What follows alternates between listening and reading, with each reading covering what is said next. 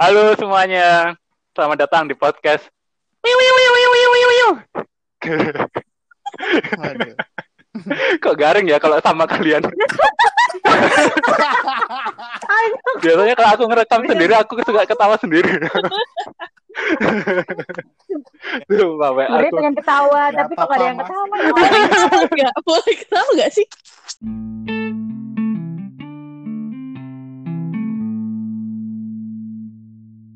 Hari ini podcastnya agak beda dari episode sebelum-sebelumnya.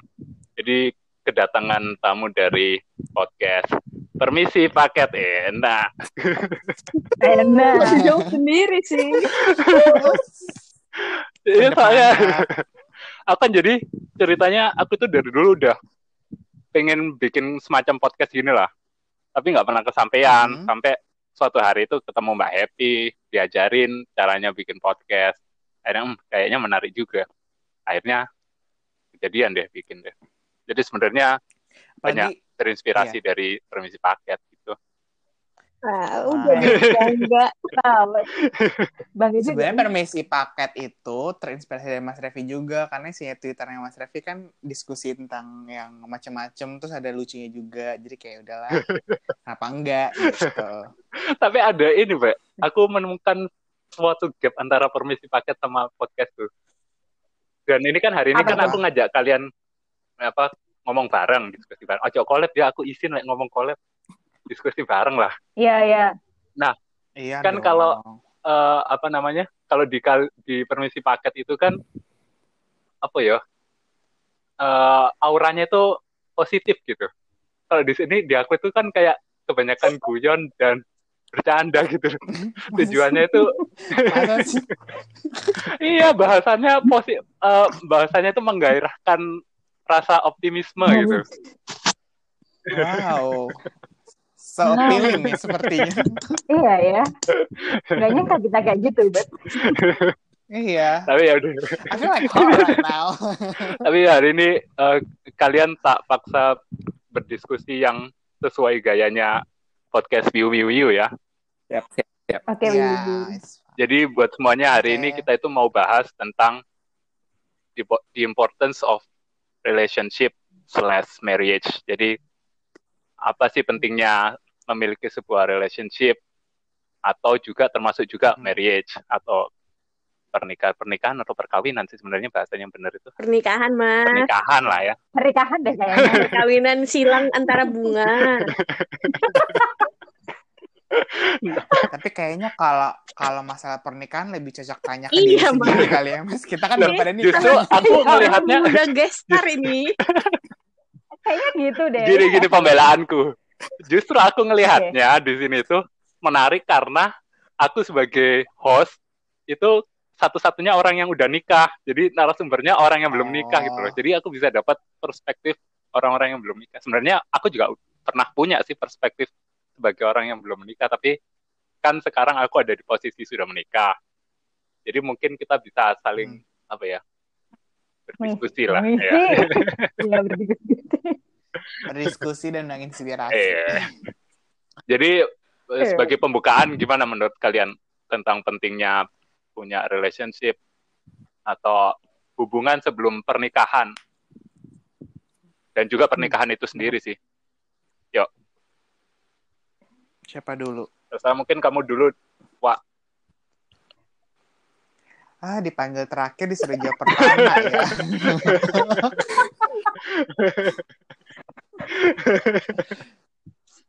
Gimana gimana? Apa arti per, apa arti tentang pernikahan ya pertanyaannya? Iya, eh, ngelihat pentingnya. Ya udah boleh dimulai dari situ, terus kemudian melanjut ke menurutmu pentingnya sebuah pernikahan atau relationship atau apa pun lah hubungan sebelum pernikahan itu apa? Oke, kayaknya aku lebih ngebahas tentang relationship kali Iya. ya. Boleh. Relationship itu bisa dikategorikan dua, relationship sama keluarga, sama relationship sama teman, tergantung. Tapi ini kayak konteksnya Iya, eh, ah, relationship relationship ke teman ya.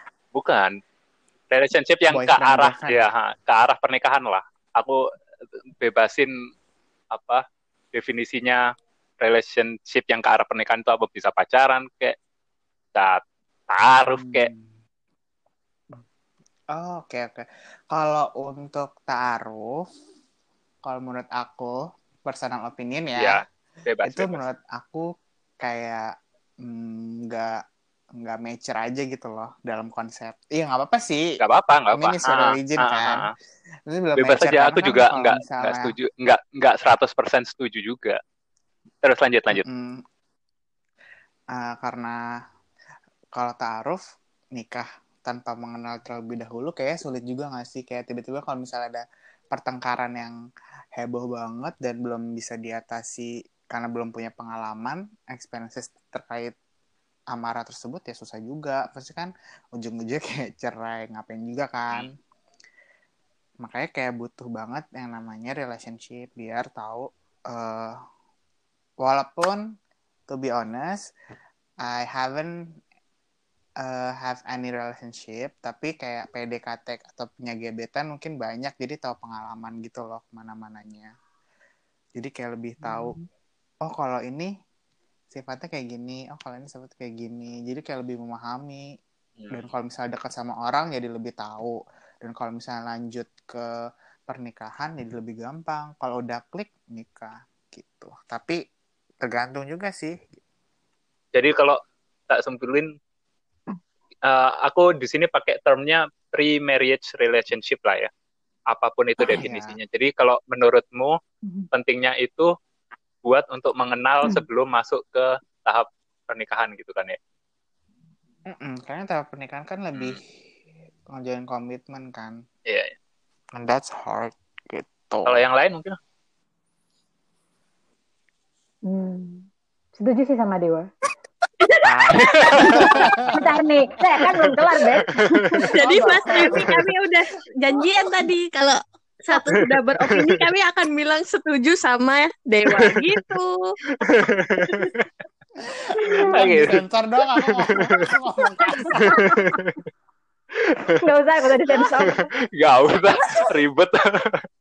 Lanjut aja. Siap. Jadi, nah, kalau ada yang mau nambahin aku, mungkin? Hmm. em, apa ya, kalau aku juga kurang setuju sih sama yang konsep kenal terus langsung nikah. Kayak nggak perlu pakai eh, pre apa tadi mas pre relationship before Pri- marriage ya. ya, ha. Iya, kalau menurut aku sih penting ya, soalnya kan em, kalau misalkan apa sih apalah dari taaruf itu, maksudnya itu ini pendapat orang kan beda-beda ya. Iya, iya. Kalau misalkan, iya, kalau misalkan kenal, terus kan ka- ada yang bilang nih, kalau misalkan cinta itu bisa, ya nanti bisa dia dia bisa tumbuh aja gitu waktu setelah menikah. Ah, Tapi iya kalau akhirnya timbul cinta, kalau enggak kan ya, ah, ya, ya, ya, ya, paham, paham.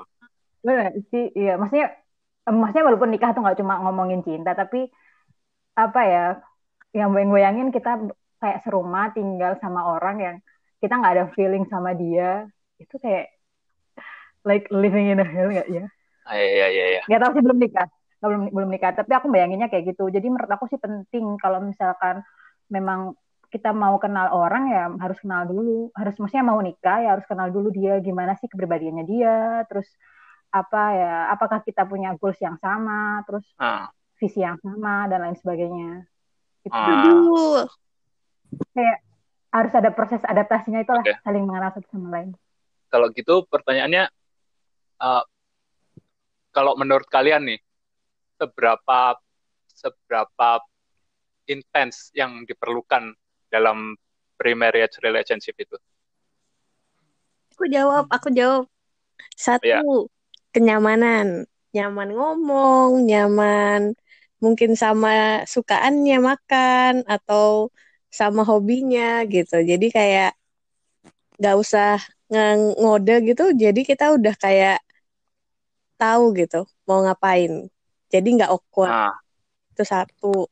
Terus yang kedua dan ketiga udah sama yang kayak Cimi bilang sih bahwa kita harus sama-sama punya goal yang sama dan akhirnya kita bisa nyusun misi yang sama dengan kita punya ah, pre-marriage relationship gitu kan ya.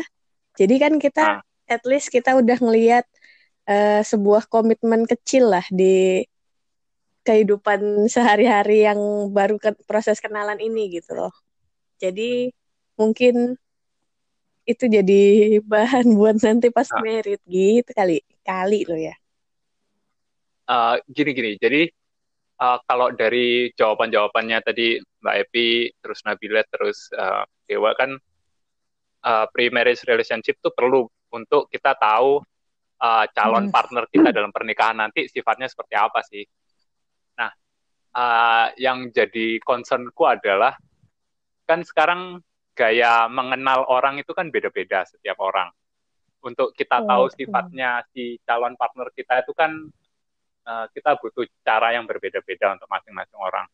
Nah, maksud Mm-mm. dari eh, concernku itu, menurut kalian itu harus eh, seberapa intens gitu antara saya dengan partner saya nanti Iya. dalam saling mengenal satu sama lain gitu loh.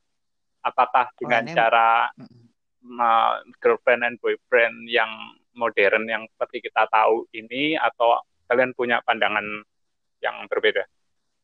Itu yang jago kayak yang jawab Mas Andika. baru mau bilang baru mau bilang giliran giliran Aku juga baru mau bilang.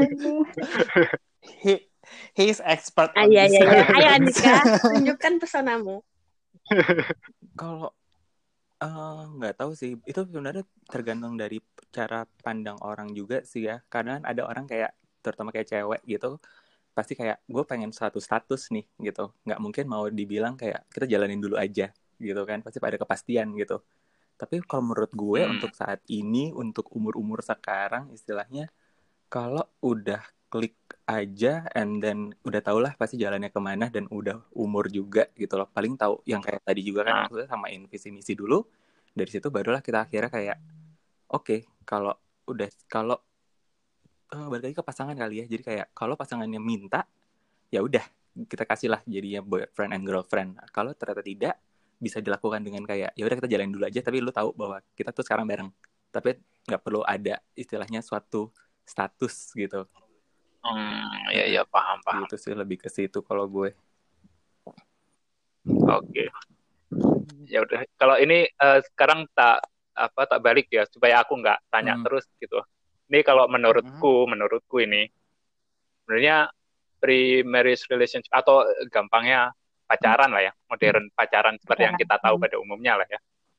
Itu ada positif negatifnya di perspektif orang yang sekarang sudah menikah loh ya, kayak aku. Positifnya benar banget kalau dengan katakanlah pacaran lah ya. Dengan pacaran itu kita bisa tahu calon partner kita dalam pernikahan nanti itu sifatnya seperti apa, terus seberapa besar kita bisa toleran terhadap kekurangannya, katakanlah. Itu suatu hal yang penting banget menurutku. Dan kayaknya terlalu naif kalau menganggap itu bisa didapat tanpa melalui itu tadi primary relationship. Tapi sebenarnya ada negatifnya juga, yaitu eh, percayalah kalau nanti udah menikah dan kalian sudah pernah pacaran, itu pasti kalian ada di situasi di mana kalian bakal membandingin eh, partner kalian dengan mantan katakanlah. Itu akan jadi apa ya pola yang ter- bakal terus berulang di setiap ada suatu kejadian gitu. Nah itu sebenarnya negatifnya sih. Eh, kayaknya di waktu-waktu tertentu kayaknya aku juga kayak wah enak ya orang yang belum pernah pacaran dia nggak punya eh, benchmark gitu Ah. dalam sebuah Wow, benchmark. Wah. Oke. Jadi itu jadi itu keuntungan loh itu kalau Dew enggak kalau enggak kalau Mbak Nora ada salah jadi balik ke mantan gitu. Eh jangan sebut merek deh Wah, parah. Eh, parah ya, ngadu domba. Oh, domba, masalahku macam belangnya dulu. enggak tapi maksudku maksudku itu suatu hal yang normal aku aku Itu yakin normal. semua orang bahkan Ya. Iya. katakanlah sih. eh, istriku istriku pun Nura pun pasti juga mengalami pola yang sama dan aku sadar Hmm, dan itu kayaknya Oh, juga iya. orang pacaran juga gitu nggak sih Oke. waktu orang Kenapa? pun juga gitu Oh. nggak sih kalau dia punya banyak gitu kan kayak iya kayak Iya. malah Iya, benar. Iya, ha, ha, ha. kayaknya anak jomblo Iya. juga gitu kan ya lebih ke miris sih gitu. lebih ke miris. baiklah oke lah kalau gitu ini ada satu hal satu isu yang menurutku apa ya ini udah lama jadi concernku gitu loh yaitu tentang gimana orang Indonesia itu build relationship yang eh, Hmm. apa ya paradigmanya itu harus cowok yang mulai duluan gitu loh dan aku ngerasa itu nggak Hmm, nggak bagus sistemnya terutama buat cowok iya. karena aku ngelihat ada term-term kayak PHP kayak apa sekarang itu yang baru itu ghosting itu tuh lahir Oh. dari Ghosting. sistem sistem menjalin hubungan yang nggak bener di Indonesia menurutku karena yang namanya orang kayak tadi ya tujuannya kan tadi eh, katakanlah pacaran kan untuk tahu sifatnya apakah dia satu visi misi apa enggak kemudian Mm-mm. tahu kekurangannya apakah kita bisa toleran terhadap kekurangannya itu kan sebuah proses yang bertahap continue dan apa ya enter it yang nggak ada habisnya gitu loh Continue until infinity, Mas. ya itulah whatever lah Oke. paham internal proses jadi orang itu se- seharusnya ini menurutku ya sah-sah aja kalau dia udah misal misal menunjukkan kayak tertarik tapi eh, awalnya emang tertarik tapi setelah eh, menjalani proses terus kemudian ada yang nggak serak kan mending mundur gitu loh nggak dan nggak ada yang Hmm. salah dengan itu kalau menurutku ya Betul. makanya sistem di Indonesia gimana orang bisa menjal membuat hubungan itu agak salah kalau menurutku dari sudut pandangku gitu sih bahkan untuk orang yang udah menikah pun kayak katakanlah sebagai contoh aku karena cuma aku ya di sini yang udah menikah Di- Happy OTW. Rewel akhirnya. bahkan bahkan buat aku gini masih eh, masih banyak hal-hal tentang partnerku dalam pernikahan itu yang aku belum tahu yang masih terus aku gali dalam pernikahan jadi kayaknya naif juga orang kalau eh, nganggap kalau udah apalagi masih proses ini masih proses tertarik tertarik gitu terus mundur rasanya paham banget karena memang masih 10% 20% kan mungkin yang diketahui dari orang tersebut gitu loh Mhm. Emang, Hmm. emang salah. Eh, emang benernya gimana, Mas? Jadi ya open aja sampai benar-benar katakanlah sampai eh, satu threshold tertentu katakanlah aku udah merasa yakin aku tahu orang ini 50% luar dan dalam terus aku ah, seperti kata Andika tadi bilang ya misal si partnernya butuh status kalau kamu udah yakin se- sebatas thresholdmu sendiri ya it's okay to confirm that status kalau menurutku sih Tapi kalau menurut Hmm. tapi selama ya Ah, gimana lanjut aja mas. Ya ya gitu jadi kalau sebelum masuk threshold yang kamu pasang sendiri tentang seberapa jauh kamu kenal pasanganmu kalau menurutku itu open aja buat keluar dan masuk uh, relationship kalau menurutku ya Kalau aku sih mikirnya sebenarnya hal itu terjadi karena mungkin karena mereka juga masih belajar kan untuk apa mulai relation gitu kan. Jadi yang kurangnya itu Hmm. adalah komunikasi sebenarnya. Istilahnya kalau mereka udah deketin orang, terus mau ternyata oh gue udah gak interest nih ternyata kita ada beda ini. Sebenarnya harusnya sih ngomong aja gitu kan. Cuma bedanya kan kalau Ah, di adat kita kan itu. sungkan bawaannya sungkan terus kayak nggak punya oh iya benar juga Nah, ya itu nyali benar juga. benar. salah lah takut nanti dibilang apalah dibilang kasar dan sebagainya akhirnya Iya, ghosting benar, benar. gitu kan itu termudah gitu kan sama aja hadapin masalah kita jauhin aja gitu iya benar. gitu mungkin kurangnya sih di situ dan itu benar. sebenarnya kayak harus dilatih sih dan bahwa kayak ayolah open aja gitu loh karena kan kuncinya juga kan komunikasi kan gitu kan benar benar benar banget setuju saya ada yang mau nambahin Setuju sama Andika. Ide.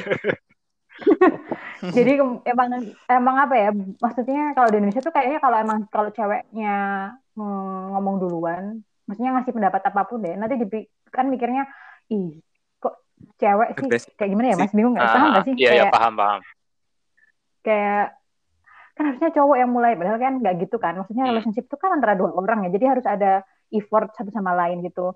Dan kalau memang si cewek atau si cowok siapa pun lah, kalau memang dia pada masih di tengah jalan ada nggak tertarik ya mending ngomong aja daripada kayak tiba-tiba ngilang gitu kan maksudku ya udah nggak bilang aja um, mungkin eh, kayaknya aku ngerasa ini deh nggak ada kecocokan ada nggak eh, ada nggak kecocokan atau hmm, kayaknya emang sampai di sini Iya. aja gitu Iya, iya. Iya itu. ngomong aja gitu Mm-mm. Kayaknya Iya benar, tapi setuju. setuju. ya it- itu tapi kalau sudah ada status kan tapi kalau yang kayak temenan doang deket gitu yang TTM waduh anu lama deh lagi judul Eh. banget TTM ya udah pokoknya teman tapi mesra itu kan ya Heeh. Kan nggak bisa gitu karena kayak gimana ya hubungan aja tidak ada apa yang harus diakhiri gitu nggak sih tapi Iya, kembali itu lagi itu dia. Heeh. Mm-mm, kembali lagi Tapi- tapi jadinya tuh sebenarnya yang salah di eh apa ya hubungan pre marriage relationship Indonesia tuh bukan tentang itunya Mas, tapi kalau menurutku jadi kayaknya salahnya tuh karena kita tuh terlalu budaya patriarki yang sangat nah itu kuat gitu. sehingga ketika cewek ini Mm-mm. mungkin melakukan hal yang kayak kata Mas itu tadi, oh sudah ada thresholdnya sekian, aku mau ngajuin. Tapi itu kayak ke hambat dengan ntar ki- dikira kita kegeeran, ntar dikira apa, dikira apa gitu loh. Dan yang cowoknya pun kalau ceweknya Hmm. terlalu agresif, dia langsung dapat penilaian Ah. jelek gitu kan. Ah, Ya gitu deh jadinya. Dan cowoknya Kalau- jadi kayak eh, takut sama ceweknya kayak being uncomfortable when a woman in power. Kayak gitu, a woman ya in paham, power. paham, Kayak paham, baru paham. ditonton tadi. Gitu deh. Jadi ini buat Nabila sama Mbak Happy. Jadi kalian kalian ini sebagai cowok cewek, ini sebelum kita membahas patriarki dalam pernikahan ya, dalam primary Iya. relationship dulu aja. Kalian menganggap itu Mm-mm. sebuah hal yang jadi disadvantage buat kalian nggak sih? Sama- Kayak tadi kata Mbak Happy bilang gitu. Iya. kalau aku sih Cimi enggak ya? antara enggak sih Oh, kalau aku mending kalau kalau aku sih mending aku terus terang aja Oh iya iya iya iya. artinya maksudnya dari awal dari awal ya emang mas apa ya eh, gimana mas nggak maksudnya eh jadi cewek di sini juga harusnya sama dong kayak cowok eh, nggak bebas untuk ngutarain perasaannya duluan misalnya Mm-mm. atau Mm-mm. eh, apa yang nggak ada merasa eh, cewek itu harus di bawah cowok jadi eh, ya setara aja antara cewek sama cowok harusnya gitu tapi kan kenyataannya di Indonesia nggak gitu budayanya kalian ngerasa Iya, banget itu betul. sebuah disadvantage nggak sih Ngerasa. Hmm. Iya ngerasa, tapi aku kayak bodo amat. Ya. Bener sih. Kayak aku kayak, nggak mikirin ya. kayak aku kayak udah, Heeh, jadi kayak ya udah kalau misalkan apa ya, em, ya itu tadi yang untuk kayak bilang Andika komunikasi itu sih. Kalau misalkan aku yang memang kayak misalkan TTM di TTM, Ah. Terus ya udah nanya ini ini sebenarnya hubungannya mau kayak gimana sih gitu. Kalau misalkan kamu enggak, ya udah kita mendingan ya udah temenan aja. Maksudnya ya udahan aja gitu. Tapi masih mending Tapi kalau tahu misalkan- TTM. Ya tapi kalau misalkan emang one, one sided, ya udah sih, ya udah move on aja udah. Ya, walaupun move on nggak segampang itu, tapi ya buat apa kita kayak ngejar sesuatu yang pada akhirnya cuma Eh, kita iya. doang gitu yang Setuju, setuju, setuju. Iya, itu masalah kalau Iya, one benar. sided gak sih? Kalau satu sisi doang yang ngerasa cinta, Hmm. padahal yang Hmm. dicintai ini nggak ngerasa cinta sama yang mencintai. Iya, jadi kayak buat apa gitu ya kayak ya mending masih banyak ikan di Ah, laut. eh, akhirnya jadi baper gitu loh, Mas. Nah, iya akhirnya jadi baper. Tapi nggak, ya gitulah. Masalah ikannya mau nggak? Nah, Kalau nggak mau nyari yang mau. nyari kan? ikan dapetnya udang gimana dong kalau kayak gitu? Kalau ada yang mau tapi beda tembok gimana? Aduh, Susah ya. tapi gini sih emang Ya tapi gitu. aku sebagai cowok aja ngerasa kalau eh, apa ya budaya kita itu nggak adil buat cewek gitu loh. Ini ada yang sambil misal- ngulek ya. Bunyinya tuh dua kayak ngulek gitu. Bentar ya Made sama Andika ini mumpung lagi bahas ini aku mau tanya juga nih sama Mbak Happy sama Nabila. Kan ini kalian sebagai cewek berpendidikan tinggi katakanlah ya di atas di atas rata-rata katakanlah ya. Eh, terus kan kalian sekarang juga belum menikah dan kalian katanya butuh pre-marriage relationship itu. Kalian merasa status kalian sebagai cewek dengan pendidikan tinggi itu sebagai sebuah beban nggak sih dalam mencari calon partner loh ya belum partner tapi calon partner gimana Enggak. Enggak. kenapa enggak, aku juga nggak? enggak. ceritain dong Di sini dulu deh. Biar aku bisa nyontek. Enggak sih.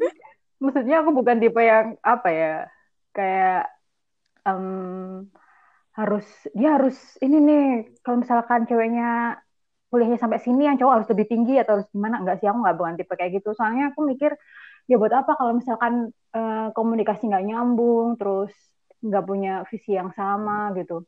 Ya apa ya kayak hmm, itu kayak bukan yang di nomor satukan gitu loh mas. Ah ya berarti Eh, jadi Ah, oh. gitulah berarti mau nambah Kalau aku juga gitu, kayak nggak terlalu sih, karena ntar it will happen at the right time gitu, Mas. Jadi kayak, Nah, oh kalau ketemu gimana ya, bukan tentang menjadi beban gitu ya. Kan kita sekolah juga bukan Hmm. untuk jodoh sebenarnya. Eh gimana ya? Apa ya? Ya sekolah sekolah aja Iya, gitu, paham. Iya, iya, ingin paham, paham. fulfilling nah, kita nih pengen cari ilmu gitu. Ya nanti misalnya Iya. ternyata orang anggapannya lain ya, wih itu sudah S3 tuh hati-hati tuh, nanti atau maharnya besar tuh, yang gitu-gitu. Itu kan asumsi Anda gitu loh. Padahal ah, sebenarnya kalau betul. ada sudah ada kecocokan saat kenalan, terus ngomong-ngomong-ngomong dan dia ternyata berani, ada kesungguhan di sana, tentu kita Hmm. udah yang apa ya, pendidikan itu nomor sekian gitu, Mas. Begitu, Cep. ah ya ya ya terus berarti kalau intinya aku ya, mikirnya gimana gimana? Kalau misalkan ada, kan ada ini misalkan ada beberapa ini ya pendapat orang yang kalau eh kan dia udah kuliah sampai segini nih gitu. Takut ah mau deketin atau gimana gitu. Ah. Mesti si cowok.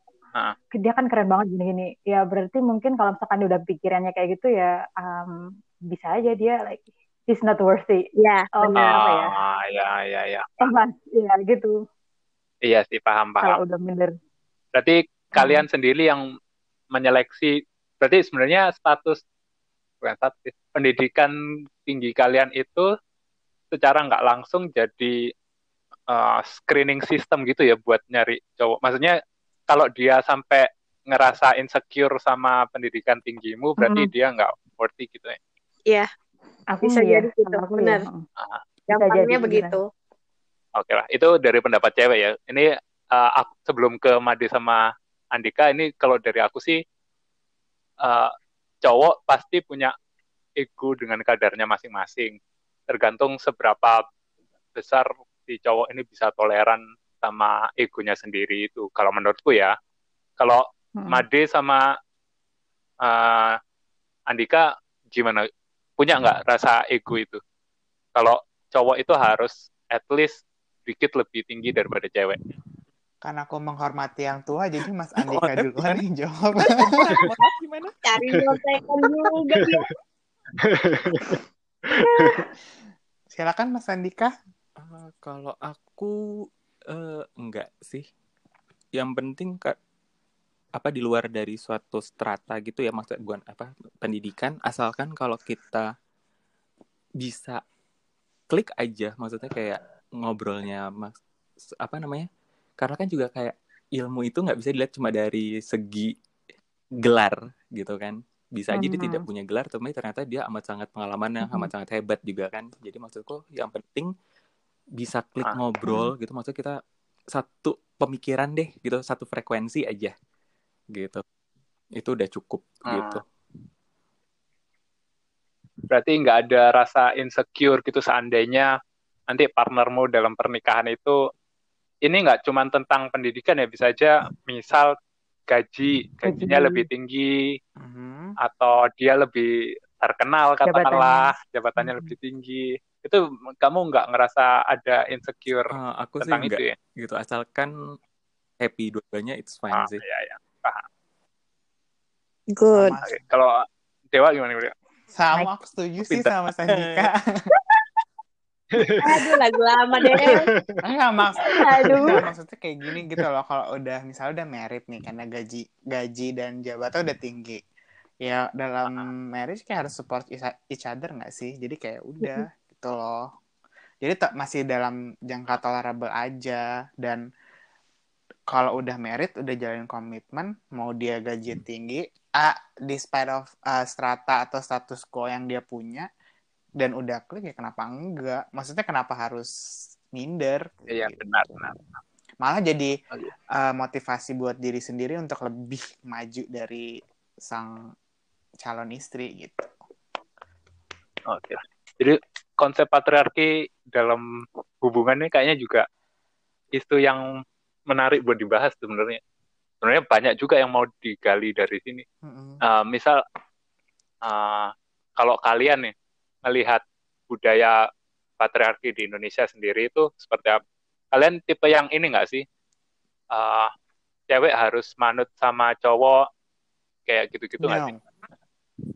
No, No, Enggak. aku enggak. Tapi kan dalam sebuah tim selalu harus ada harus punya pemimpin.